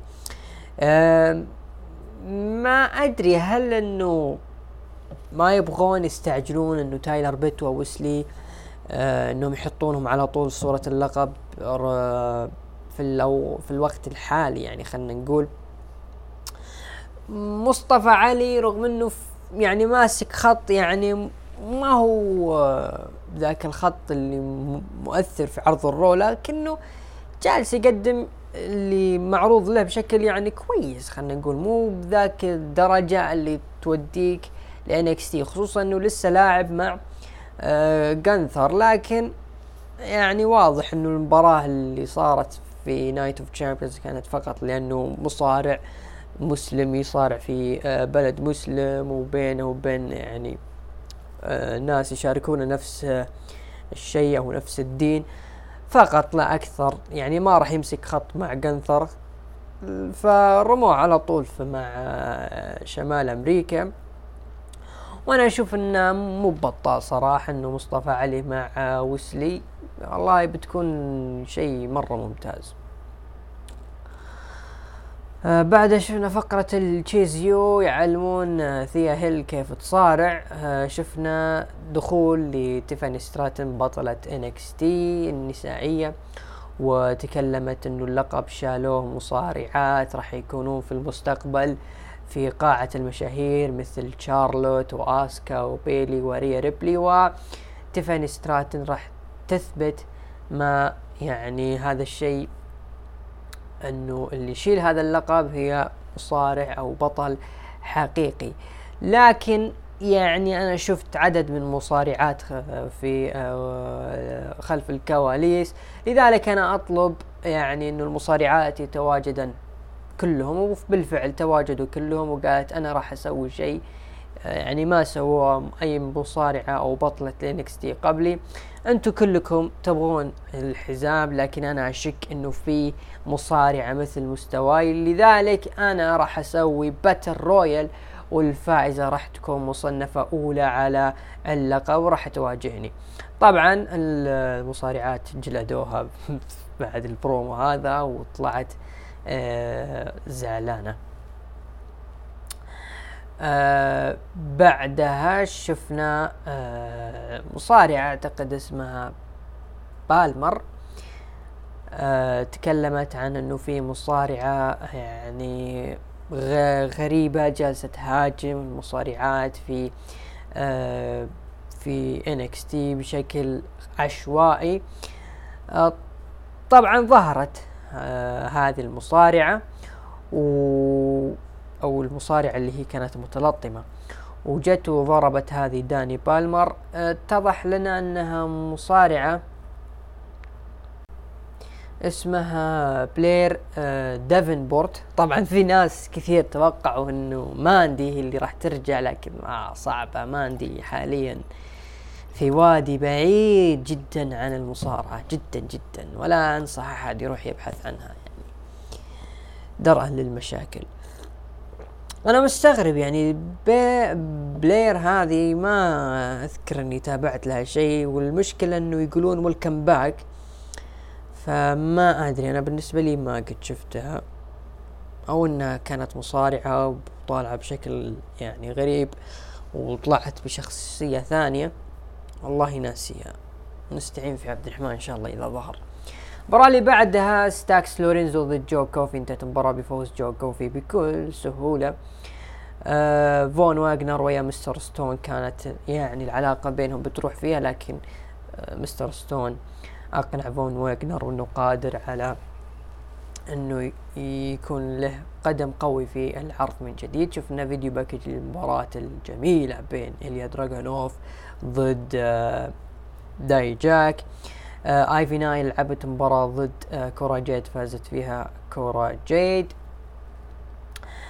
آه بعدها شفنا ال main event مباراة لقب NXT بين كارميلو هايز ضد نوام دار. آه انتهت المباراة بفوز كارميلو هايز وحفاظه على اللقب. مباراة يعني جيدة صراحة كأول آه دفاع للقب آه لكارميلو هايز بعد Battleground وأيضا نوام دار لا زلت يعني معجب جدا بأداء ما توقعت ابدا إنه يمكن يجي يوم وأكون مستمتع باللي جالس يسويه نوام دار واعتقد هذا لأني أنا أذكر تابعت عرض ل NXT UK وكان الجو شوي قامت لأني تابعته في وقت غلط صراحة في وقت الكورونا.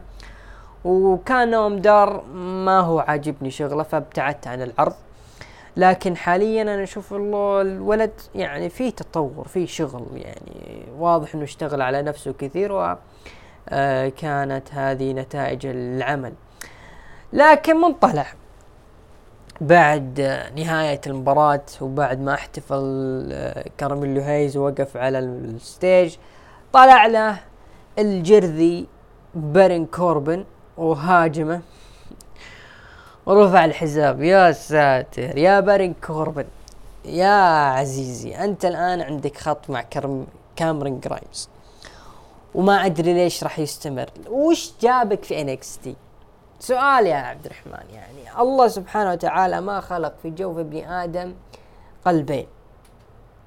فكيف الآن بارين كوربن راح يصارع في سماك داون ضد كامرين جرايمز وراح يصارع في NXT ضد كارميلو هيز واصلا ما في أي منطق ما في أي منطق يجعل بارين كوربن يظهر في NXT ما في. ما في سبب. لا راح يكون له real package ولا راح يكون له فايدة والجمهور ما راح يوقفون معه ولا راح يقدم شيء إلا شيء واحد وهو الانبطاح لكارميلو هيز روح لتقييم المستمعين كانت طبعا هذه نهاية عرض NXT روح لتقييم المستمعين أعطوا من تسعة إلى عشرة سبعة عشر في المية ومن خمسة إلى ثمانية أعطوه ثمانية وخمسين في المية وأقل من خمسة اعطوه خمسة وعشرين في المية. أنا أشوف إنه عرض جيد. أعطيه ستة ونص من عشرة. المشاهدات بلغت خمسمية وثمانية وسبعين ألف مشاهد. كان هذا عرض NXT هالأسبوع. نروح الآن مباشرة لعرض AEW Dynamite ال fallout لمهرجان AEW Nothing. آه بدأ العرض بمباراة بين آه مباراة فرق ثلاثية جون موكسلي وكاستنيولي وويلر يوتا ضد لوتشا بروز ري فينيكس وبنتايل زيرو ميدو وبانديدو آه انتهت المباراة بفوز ال Combat آه Club آه موكسلي وكاستنيولي وويلر يوتا يعني مباراة كانت حلوة صراحة في في, في الافتتاح. توني شوفاني في الحلبة آه قدم جي وايت وجوس روبنسون تكلموا الاثنين عن ريكي ستارك وإنه اللي بينهم ما انتهى وإنه ريك ستاركس يعتقد إنه هو في أه يعني من المصارعين القمة وذلك بسبب إنه أقصى جي وايت وجوس روبنسون من المباراة والحقيقة إنه بالنهاية يعني ريكي ستارك خسر المباراة ما فاز. ف تكلموا عن ال FTR وجلسوا يتكلموا فيهم ويسبسبونهم وإنهم أغبياء. ليه ما دخلوا ال FTR وردوا عليهم إنهم لا أبدا ما هو أغبياء وأنتم أصلا جايين تبغون إن آه ندخل معكم في ال Bullet Club لكن أنتم مديليننا باعتذار. آه جواد قال أنتم تبغون تدخلون معنا في ال club فجاء بيعطيهم المايك لكن نزله. وصارت حرش بين الاثنين. جوس روبنسون ضرب داكس هارولد والثاني ضرب كاش ويلر. كل واحد سوى ال finish على الثاني.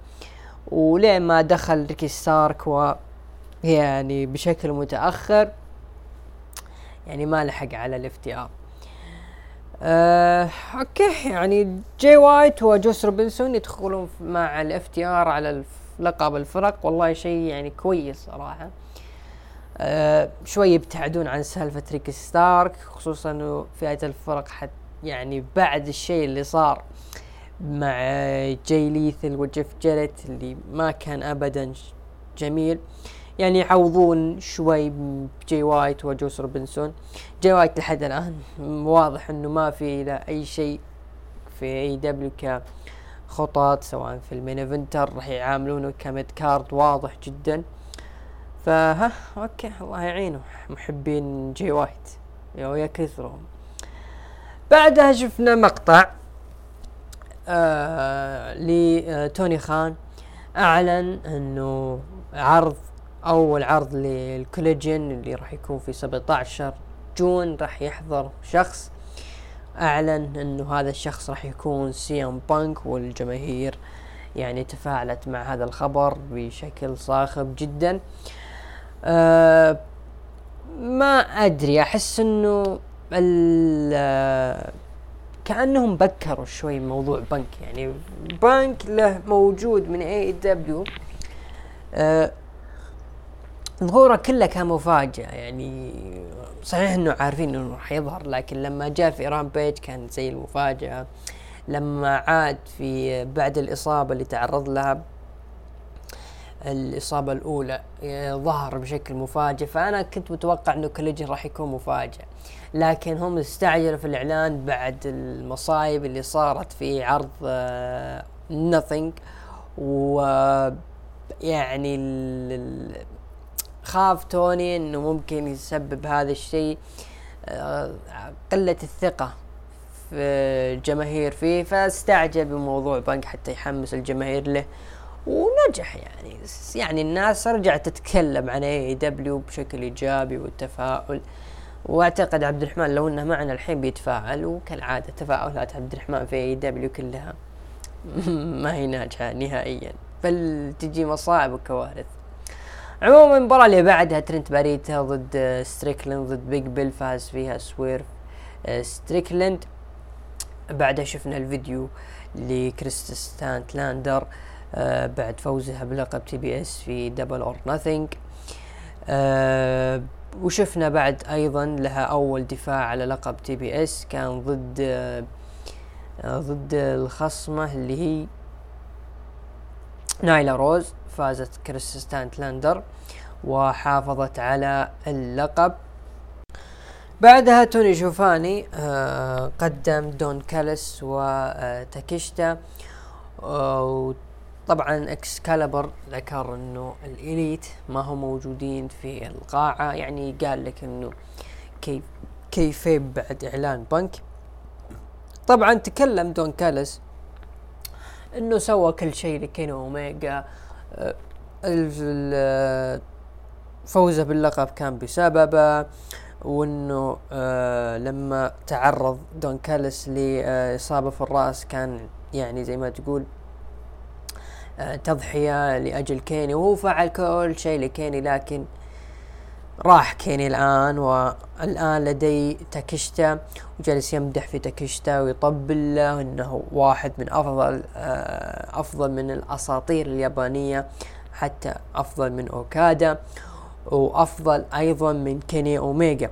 طبعا تاكشتا تكلم بالياباني والجمهور استهجنه قال إن إحنا راح ندمر الإليت وقال آه، دون كالس إن عائلتي الجديدة راح تقتل أو تنهي الإليت. فواضح إنه دون كاليس في طور إنه ممكن يسوي له عصابة جديدة مع تاكيشتا ويجلدون فيها ال Elite ويكون هو دون كاليس هو في آه، ال general manager للعصابة هذه. آه، بعدها شفنا فيديو ل ووردلو بطل TNT. بعدها شفنا مباراة بين أورنج كاسيدي وداربي آلن آه فازوا ضد فريق اسمه كانو وتوا آه لاينوا. فازوا فيها أورنج كاسيدي وداربي آلن مباراة يعني بكل سهولة فازوا. بعد المباراة شفنا آه ظهور لسويرف ستريكلند وبراين كيج ومعهم البرنس نانا وكانوا جايين يجلدون داربي آلن وأورنج كاسيدي لكن تدق موسيقى The Icon Sting وطلعوا الحبايب بدون ما يسوون شيء ل لداربي واورنج كاسيدي. من هيبة Sting واسطوريته وقيمته في العروض. برومو لام جي اف يتكلم إنه ما في أي أحد في مستواي. أه نروح بعدها ل ال main event اللي صار بين كريس جيريكو وسرايا ضد آدم كول وبريت بيكر. انتهت المباراة بانتصار آدم كول وبريت بيكر وكانت هذه نهاية العرض. طبعا ما في أي كلام زائد فيما يخص بريت بيكر وآدم كول ومعهم كريس جيريكو. فكانت هذه نهاية عرض AEW Dynamite تروح لتقييم المستمعين أعطوا من تسعة لعشرة عشرة في المية ومن خمسة إلى ثمانية ستين في المية وأقل من خمسة أعطوه ثلاثين في المية. أنا بالنسبة لي أعطيه يعني أربعة ونص إلى خمسة آه، من عشرة. كانت هذه نهاية عرض AEW نروح لعرض الأسبوع. آه عرض الأسبوع آه SmackDown أخذ خمسين في المية Raw NXT أخذوا عشرة في المية وداينامايت أخذ ثلاثين في المية. آه نعم SmackDown كان okay عرض آه لا بأس فيه ويستاهل يكون هو عرض الأسبوع. ف مع نهاية عرض الأسبوع وصلنا لنهاية البودكاست. أتمنى أن يكون وفقت في تحليل العروض الشهرية والأسبوعية وإن شاء الله تكون آرائي جميلة وإن شاء الله ما ضريت أي أحد وما زعلت أي أحد. آه يعطيكم العافية على حسن الاستماع للانصات. إن شاء الله نراكم حلقات قادمة من ركن حلبة. لا تنسونا من دعواتكم الأسابيع الجاية فاينل آه سواء لي أو حتى لإخواني الطلاب. إن شاء الله موفقين ويعطينا ويرزقنا الله أعلى الدرجات و يحقق أحلامنا بإذن الله. شكرا لكم على الاستماع يا شباب. يعطيكم العافية.